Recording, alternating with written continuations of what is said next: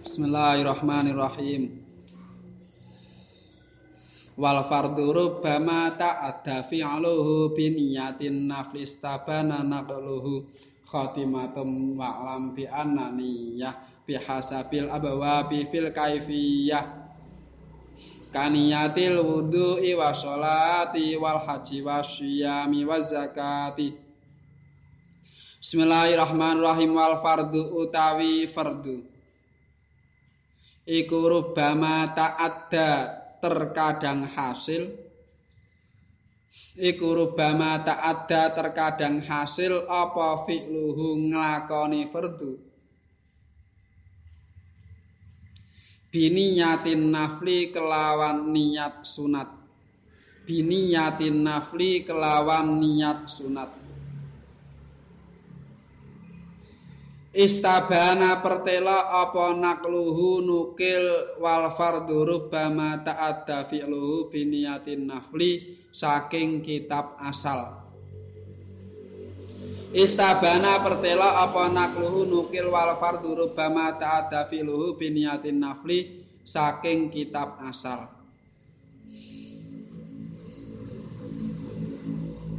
Khatimatun utawi iki iku anggit pungkasan.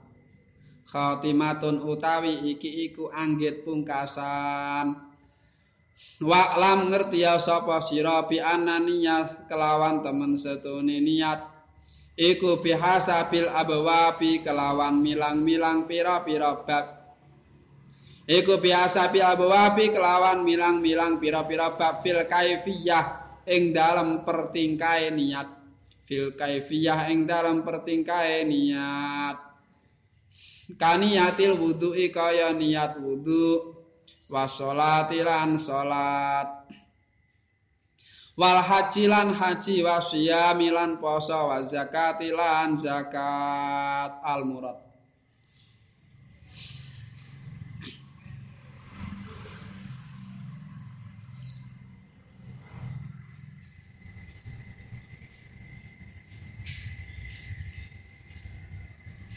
hukum asalipun pendamelan fardu.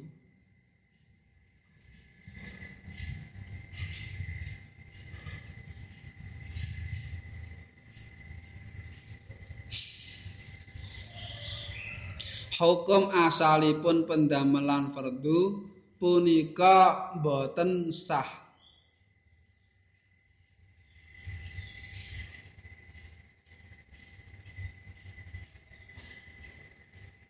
menawi dipun lampahi menawi kelampah menawi kelampah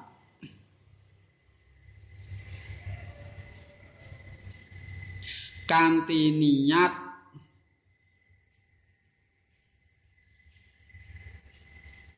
nglampahi pendamelan sunat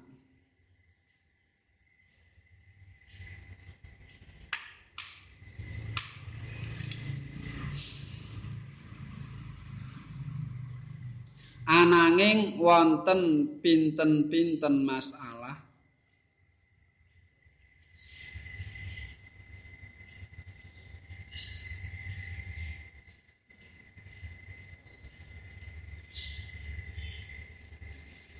ingkang pendamelan fardu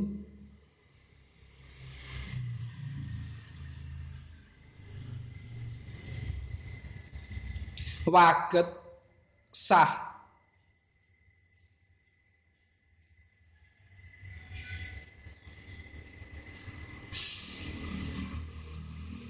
dipun lampahi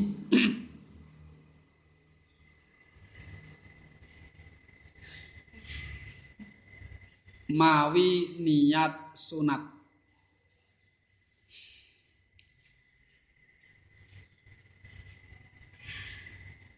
Kados ingkang dipun nukil saking kitab asal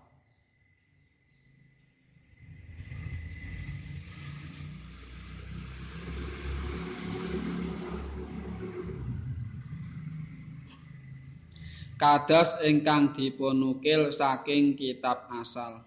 Dene contonipun inggih menika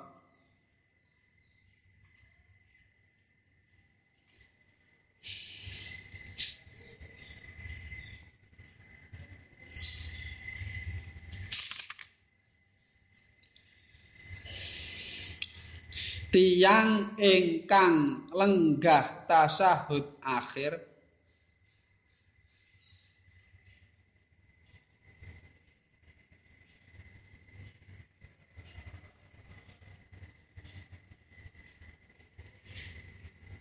tiyang ingkang lenggah tasahud akhir mawi anggadai penyono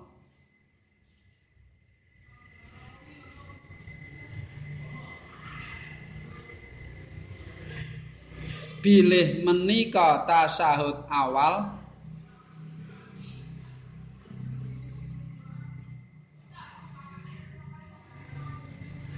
bilih menika tasawuf awal selajeng emut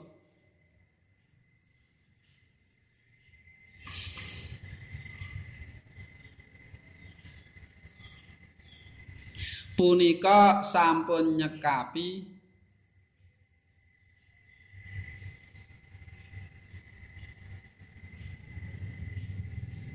minangka tasahud akhir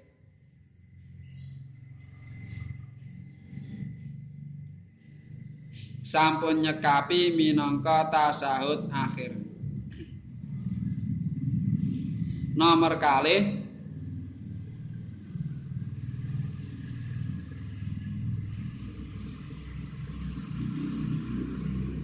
tiang niat haji utawi umroh sunat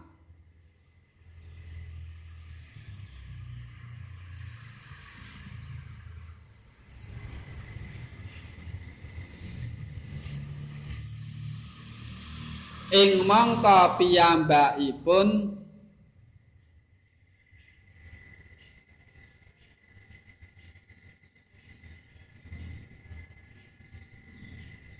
ing mangka piyambakipun tasih anggadhahi kewajiban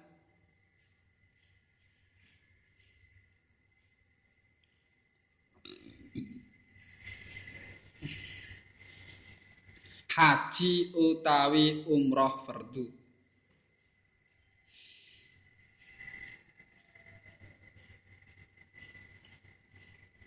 Punika sah dados fardhu.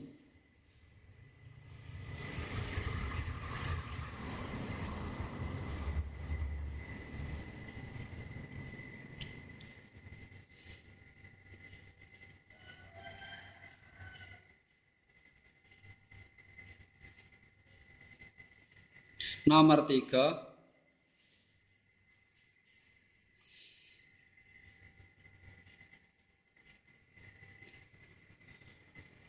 Supe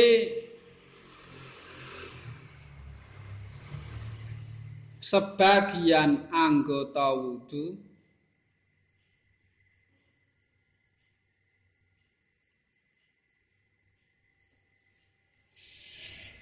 dereng kewasuh sampurna.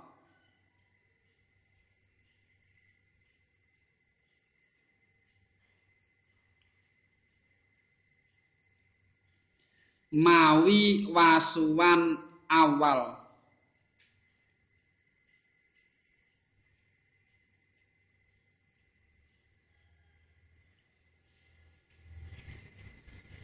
Selajeng waget sampurna.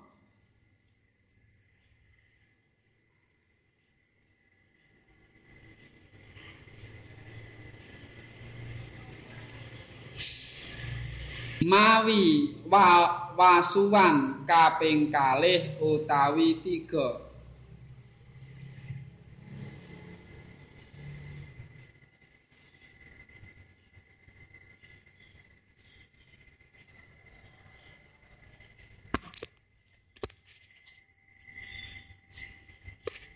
mawi wasuwan kaping kalih utawi tiga. Punika sampun nyekapi.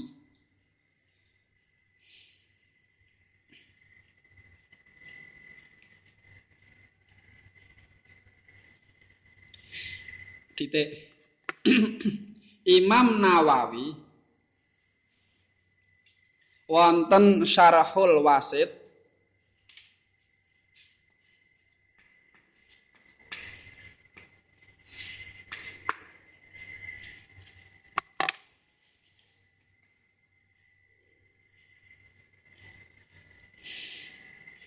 Imam Nawawi wonten Syarhul Wasit.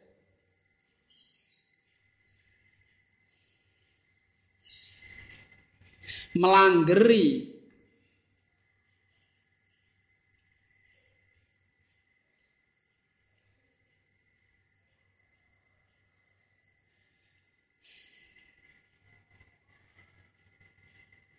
Kaidah menika eh, melang aja kaidah melanggeri masalah-masalah menika. Melanggeri masalah-masalah menika mawi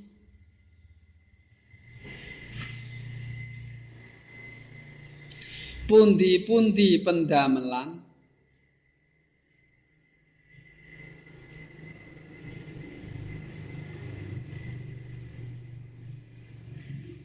ingkang dipun dingini niat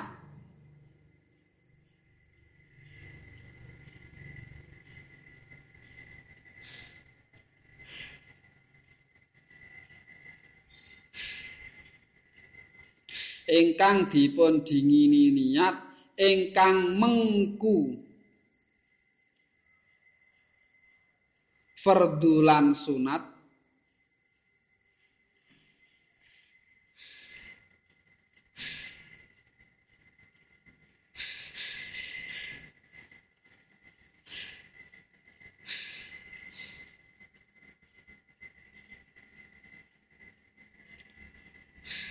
selajeng ngelampahi.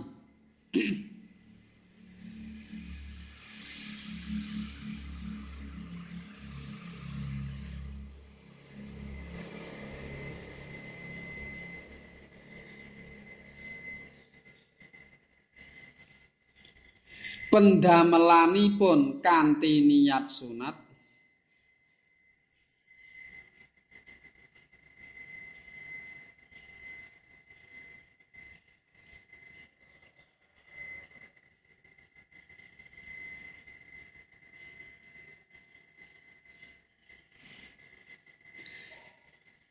lan ngepasi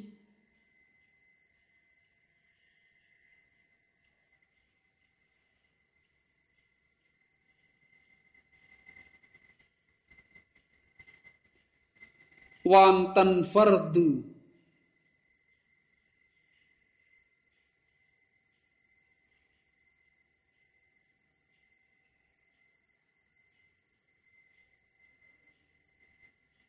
sami kalian pendamelan sunat kasebat.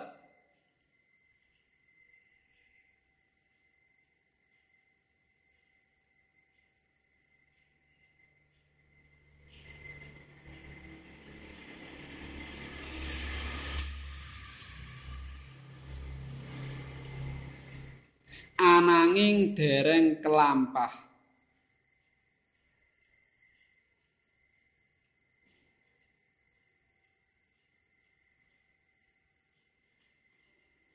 punika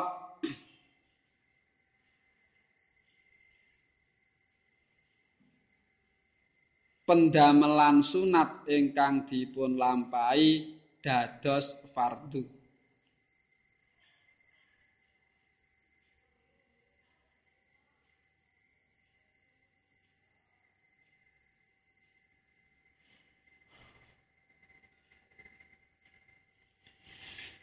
punika pendamelan sunat ingkang dipun lampahi dados fardu.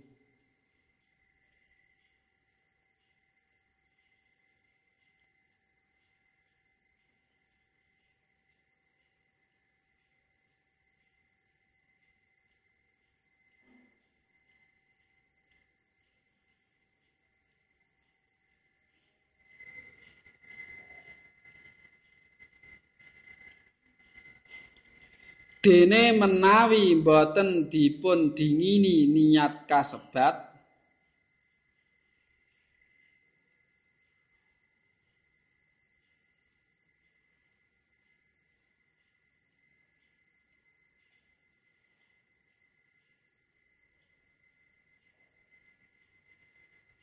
punika boten saged dados fardhu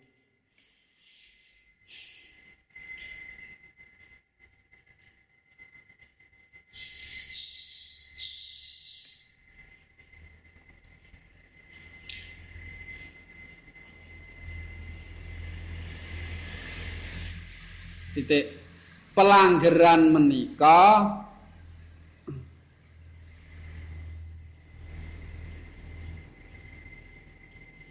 sifatipun namung aghlabiyah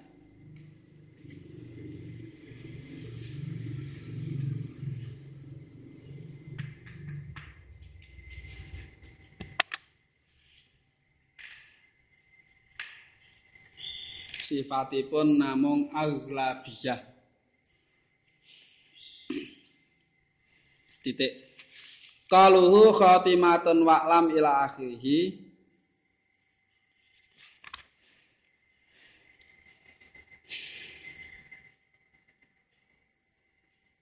Punika anggit pungkasan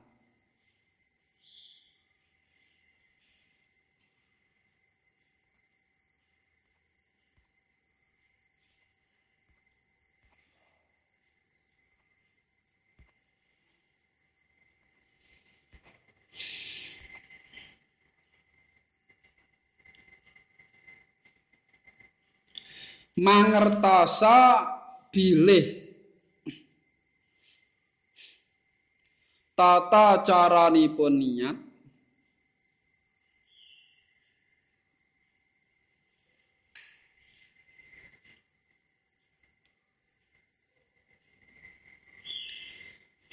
Punika benten-benten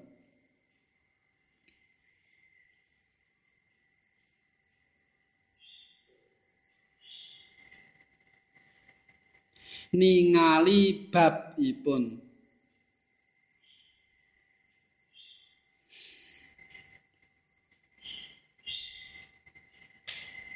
dene contonipun setunggal.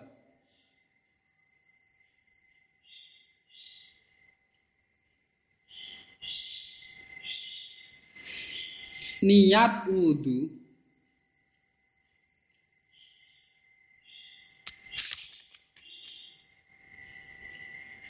punika neja.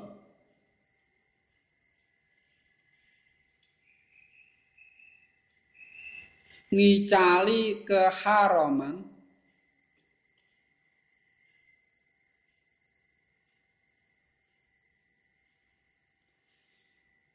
ingkang wujud keranten hadas. Ingkang wujud keranten hadas alit ingkang wujud keranten hadas alif.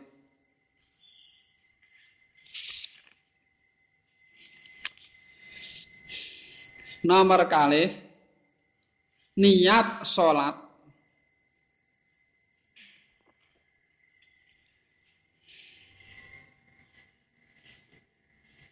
punika neja pinten-pinten ucapan?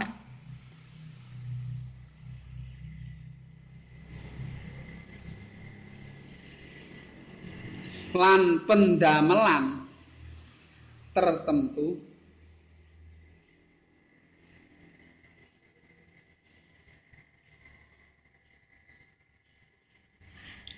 Ingkang dipun wiwiti takbir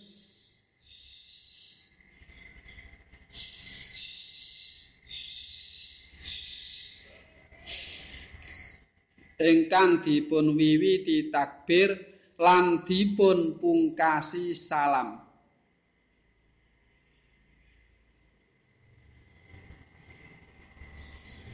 Lan dipun pungkasi salam kanthi syarat-syarat tertentu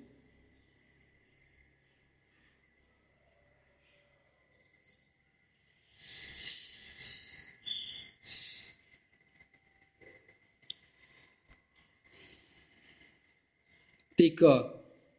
Niat haji.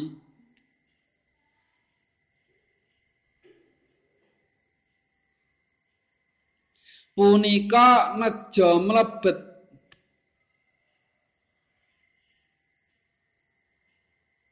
Punika neja mlebet.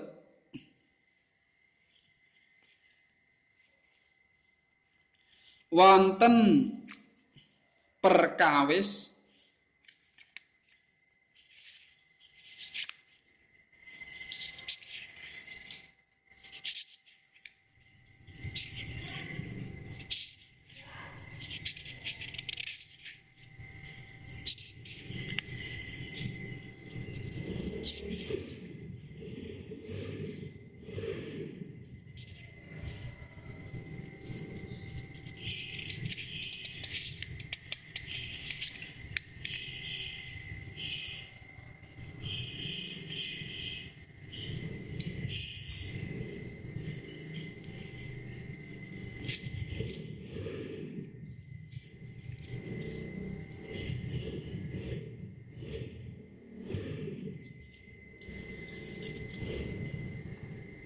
ingkang ndadosaken.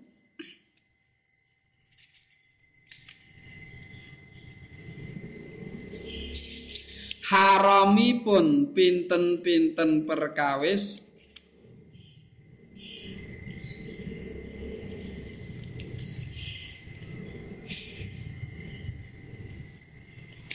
Ingkang saderengipun punika halal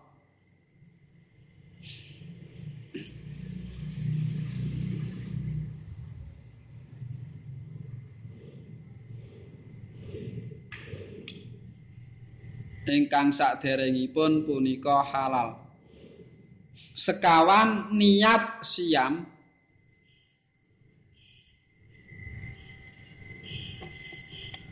punika neja ngeker ingkang tertentu.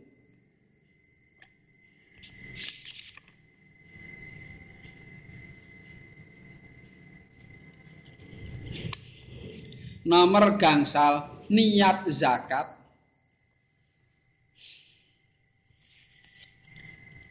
Punika neja ngedalaken perkawis tertentu.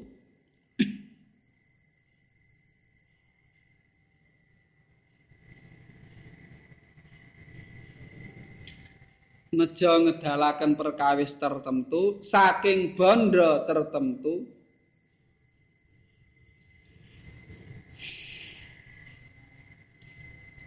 mawi mergi tertentu. Mawi mergi tertentu. Titik. Bismillahirrahmanirrahim. Wal fardhu rubbama ta'adda fi'uhu bi niyatin naflis tabana naqluhu. Hukum asale perkara sing fardhu iku ora iso dilakoni ora iso dianggep kanthi perkara sing diniati sunat Sebab fardu karo sunat iku beda wis dhewe dhewe. Hakikate fardu ya dhewe, hakikate sunat ya dhewe. Mula perkara sing diniati sunat ora iso dadi fardu. Sebab wis dhewe dhewe iku hukum asale ngono kuwi. Ning terkadang kaya sing didhawuhna kitab asal, terkadang ana penggawe sing diniati sunat tapi iku dadi fardu. Ana penggawe sing ketekanan kanthi niat sunat tapi iku dadi fardu. Iki berarti metu saka hukum asal. Apa diantarane? Diantarane contohnya ana wong lungguh tahiyat akhir, dhek nyonone iku tahiyat awal. Dadi nalika tangi saka sujud, nalika nalika tangi saka sujud dhek iku niate lungguh tahiyat awal. Ya yes, ngono, berarti niate niat tahiyat awal, tahiyat awal hukume sunat. Mandang wis lungguh kelingan lho, iki iki tahiyat sani wong aku wis patang rakaat. Lah ngene iki lungguh iku mau wis dadi lungguh tahiyat akhir wis cukup. Senajan anggone nglakoni iku kanthi niat tahiyat awal. Maksudnya wis cukup ora yo dadak baleni neh. Nek ora cukup kan baleni neh, sujud neh, sedilit terus langsung lungguh meneh diniati tahiyat akhir. Tapi ning kene ora cukup pisan. Wis eling mau, eling wah jeblane iki tahiyat akhir iki wong. Mau wis tahiyat awal iki sepatang rakaat. Nah, ngene wis cukup. Senajan anggone awal ngakoni niate iku nglakoni tahiyat awal. Niate ngono paling paling penak wong sing ngalamun wong ngalamun ra ono niat apa-apa ta jengkal-jengklit akhirnya malah dadi sahya tapi ya kebangetan mergone lah salat kok lali. Nomor loro ana wong niat haji utawa umrah sunat. Dadi niate iku ihram tu ihram haji su sunat utawa ihram umrah sunat. Kamangka dhek durung tau kaji isih duwe tanggungan nglakoni haji utawa umrah fardu. wong dhewe durung tau kaji kok Lah nek ngene iki senajan dhewe niate iku haji sunat tetep dadi haji fardu. tetep dadi haji wa wajib berarti ning kene le nglakoni iku niate sunat tapi dadine tetep dadi ibadah fardhu Ana ah, nomor telu contone Nalika mbasuh wajah ana sing kelalen. Kelalen berarti ana sing durung kewasuh. Dadine umpama nalika mbasuh wajah iku durung rata, akhire ana sing durung kewasuh. Wong iki ora rumong sawang kelali kok kelalen. Jenenge kelalen ki ora rumong kelalen.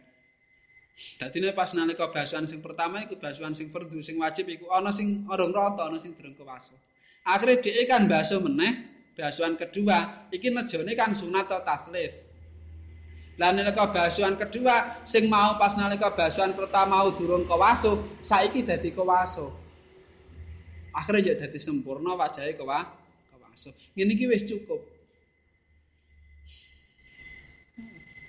Senajan nalika basuhan keduamu niate kan taslif, niate nglakoni kesunatan. Tapi iku malah bisa masuk perkara sing ketinggal nalika basuhan pertama. Iki wis cukup. Dadi fardhu. Berarti wasuhan sing ngenai apa wasuhan sing ngenai anggota sing durung kewasuh kanthi wasuhan pertama iku dianggap fardhu. Iki berarti perkara sunat tapi iso uh, ndadekno gandani perkara fardhu fardhu sing durung dilakoni akhirnya ketutup kanthi perkara sing sunat iki sehingga sing sunat mau dadi fardhu. Nah, iku contone ngono ki. Wae ning fatal kuwi ya ono to ngono Nah, tapi nek ora kewasuh gresik pisan-pisan tak kewasuh nalika wudu tasdid ora sah. Ora tanggap sebab wudu tasdid kan dudu hadas niate. Ora tanggap. Wis. Iku di antara contoh-contohne liyane akeh meneh. Nah. Masalah iki, masalah perkara sunat sing bisa apa perkara fardu sing sah dilakoni senajan niate niat sunat. Iki didobiti dipelanggeri karo Imam Nawawi ning kitab Syarhul Wasit Syarahe kitab Wasit Al Wasit karena Imam Ghazali. Lha iku dipelanggeri ngene. Kapan ana penggawe utawa ngibadah didingini niat sing niat mau mengku fardhu lan sunat. Contohnya apa? Contohnya niat wudhu. Nawaitul wudhu ali raf'il hadatsil asghari fardhu lillahi ta'ala. Niat wudhu. Niat wudhu iki niate sepisan tapi wis mencakup fardhu karo sunat. Nyatane apa? Nek nalika mbasuh wajah wis niat nawaitul wudhu asghari fardhu lillahi ta'ala, iki engko nalika wasuan kedua ketiga ra butuh niat meneh wis kecakup ning niat nawaitul wudhu ngusap kuping ora kudu niat meneh wis kecakup ning niat nawaitul wudhu salat padha musali fardhu zuhri sak teruse iku niat usali fardhu zuhri ora mung ora mung kanggo sing rukun-rukun tok. Iku wis mencakup kanggo sing sunat-sunat. Maca surat sawise Fatihah, terus maca tasbih nalika rukuk sujud. Iki wis kecakup ning niat usali fardhu zuhri, ora kudu diniati meneh. Ngono Berarti niat siji tapi wis mencakup satu ibadah sing ning kono mengandung uh, fardhu karo sunat.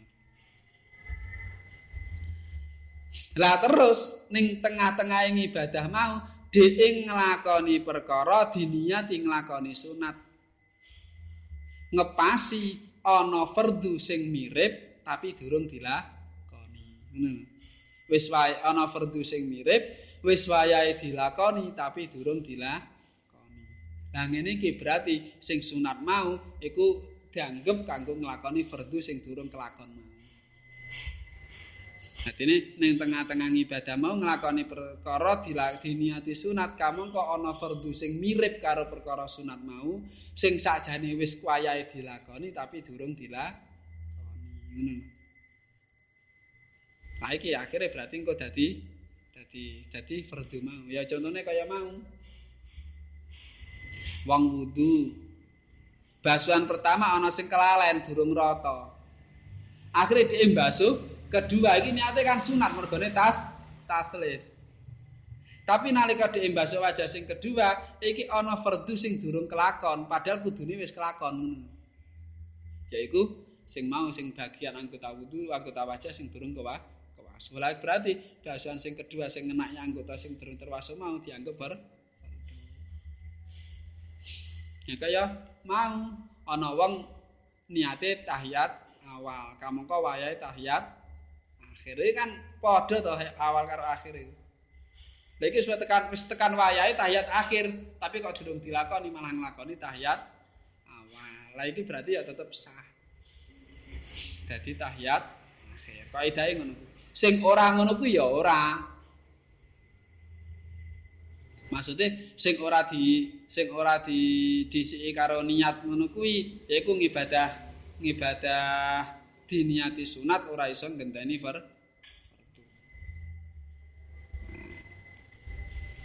Ning kaidah iki sifate aghlabiyah, aghlabiyah mate kaprah okeh-okehe ngono kuwi ning sing ora ngono kuwi ya ana. Ngono maksude aghlabiyah ngono kuwi. Aghlabiyah kaprah-kaprahe, kaprah-kaprahe ngono kuwi ning sing ora ngono kuwi ya Ha contone sing ora ngono kuwi ning ana piye contone? Ana wong salam. Jane salame kek pertama, Assalamualaikum warahmatullah. Jane salame kek pertama. Tapi DE mergo wong pancen ngalamun ya, iku niate iku nglakoni rumangsane nglakoni salam sing ke Kamu kok salam sing pertama iku fardu, salam sing kedua su. Hmm. Dek asline salame gek sepisan kuwi. Tapi rumangsane dek iku salam sing kedua. Iki salam sing diucapno ora iso genteni salam sing pertama. Akhire piye? ya kudu salam diniati salam pertama utawa dinati apa apa iki berarti apa? Sajane kan wis kecakep to jenenge niat salat kan ya mencakup salam bareng to. Tapi ning kene tetep sunat ora iso ngenteni per utawa sebalike sebalike sing sing ora kecakup niat tapi iso ngenteni mau haji. Hajine diniati haji sunat kamu kok ndek kewajiban iki dadi haji ber fardu. Padahal haji sunat haji fardu kan dua yang berbeda to iku. Ibadah loro beda iku. Wong haji ku sak rangkaian mulai ihram nganti tekan ku rampung. Ah tekan tawaf tekan sa'i tekan tahallul kono. Itu kan haji ngono kuwi.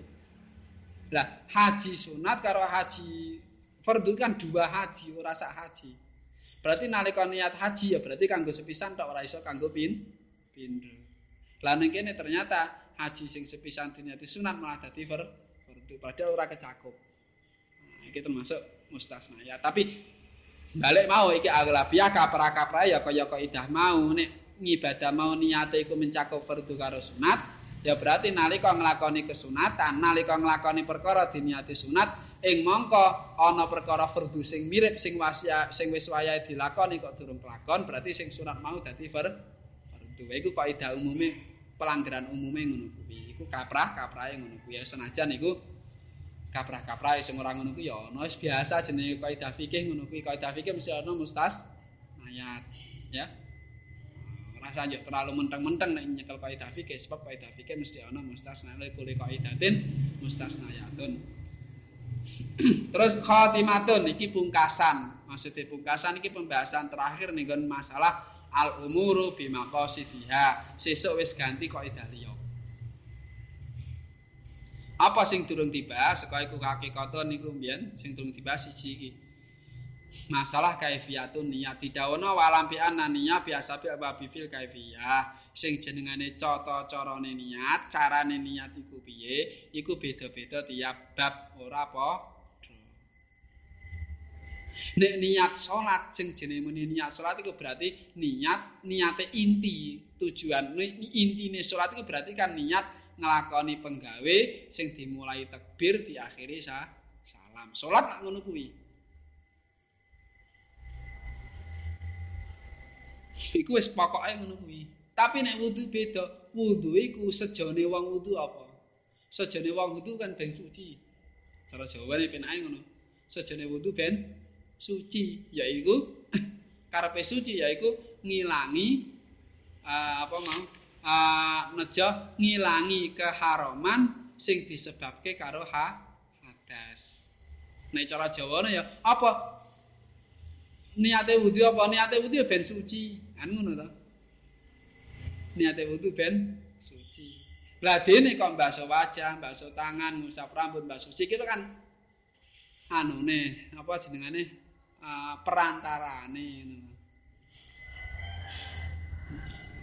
iku kan carane ben iso su suci ngono carane ben iso suci mbasuh wajah tangan ngusap sirah mbasuh sikil tapi kan sing jenenge wudu kan ya niate kan ben suci kuwi. Dudu dudu mbasuh wajahe, dudu mbasuh tangane, tapi tujuane niate iku ben su, suci. Ora njuk terus niati mbasuh wajah, ora niati ben su, suci. Niate wudu ben suci, ben kaharaman sing disebabno hadas ilang. Nek salat ora jenenge niat salat ya pancen niat nglakoni takbir, Fatihah, rukuk, sujud iku kok. Ya wis pun jere tujuane ngono kuwi niate. Nah, terus ana meneh haji. Lho haji ki niate apa? Haji ku niate yaiku mlebu ning suwijining perkara yaiku ihram. Sing dadekno dadi haram nglakoni perkara-perkara sing sadurunge ha. Jenenge muni haji iku niat haji ya berarti niat dadi wong ihram. sing akhire gara-gara ihram mau dadi haram nglakoni perkara-perkara sing biyen sadurunge wis halal. Contone macam-macam oke to. Nggo klambi sing sing nglimputi terus apa kumpul karo garwane lan sapanunggalane. Dadi niat mlebu ning suwijining perkara yaiku ihram berarti haji ki apa? Haji ki niat haji apa? Niat haji ya niat ihram kuwi, niat eh ihram niat dalam kondisi ngono kae sing akhire ndadekne dadi haram nglakoni sebab beberapa perkara sing biyen ora ha Nah, terus puasa, puasa ki apa? Puasa apa? Puasa ki niate apa sapa? Puasa Ramadan. Ngono ta cara gampangane. Berarti nawa itu naik nawan kau ngomong nawa itu sama gotin utawa nawa itu sama gotin aku niat sesuk poso berarti karepe aku niat sesuk ora madang ora ngombe ora kumpul karo bojone lan sak panung galane niate lak ngono kuwi. Zakat. Zakat iku niate apa? Zakat iku niate ya berarti niat ngetokne barang tertentu. Yaiku sakni nisab seka bondo sing tertentu. Apa bondo sing tertentu? Yaiku bondo sing wajib dizakati kanthi dalan tertentu. Dalan tertentu ya berarti dinaikkan ingkang musa ikut zakat. Hmm. An beda. Nek salat niate berarti niat nglakoni rukuk, sujud sapanunggalane. Nek wudu niate ngilangi ha hadas. beda di su suci. Nek poso Ramadan ra ngombe sapanunggalane. Nek zakat niate ngetokne bon. Berarti nek ngono bisa disimpulkan carane niat iku pendak bab beda. Ora apa? Padha fayukos malam yukol engko sing liyan-liyane kare diangen-angen dhewe wis ketemu niate ngono kuwi. Wis wala alam.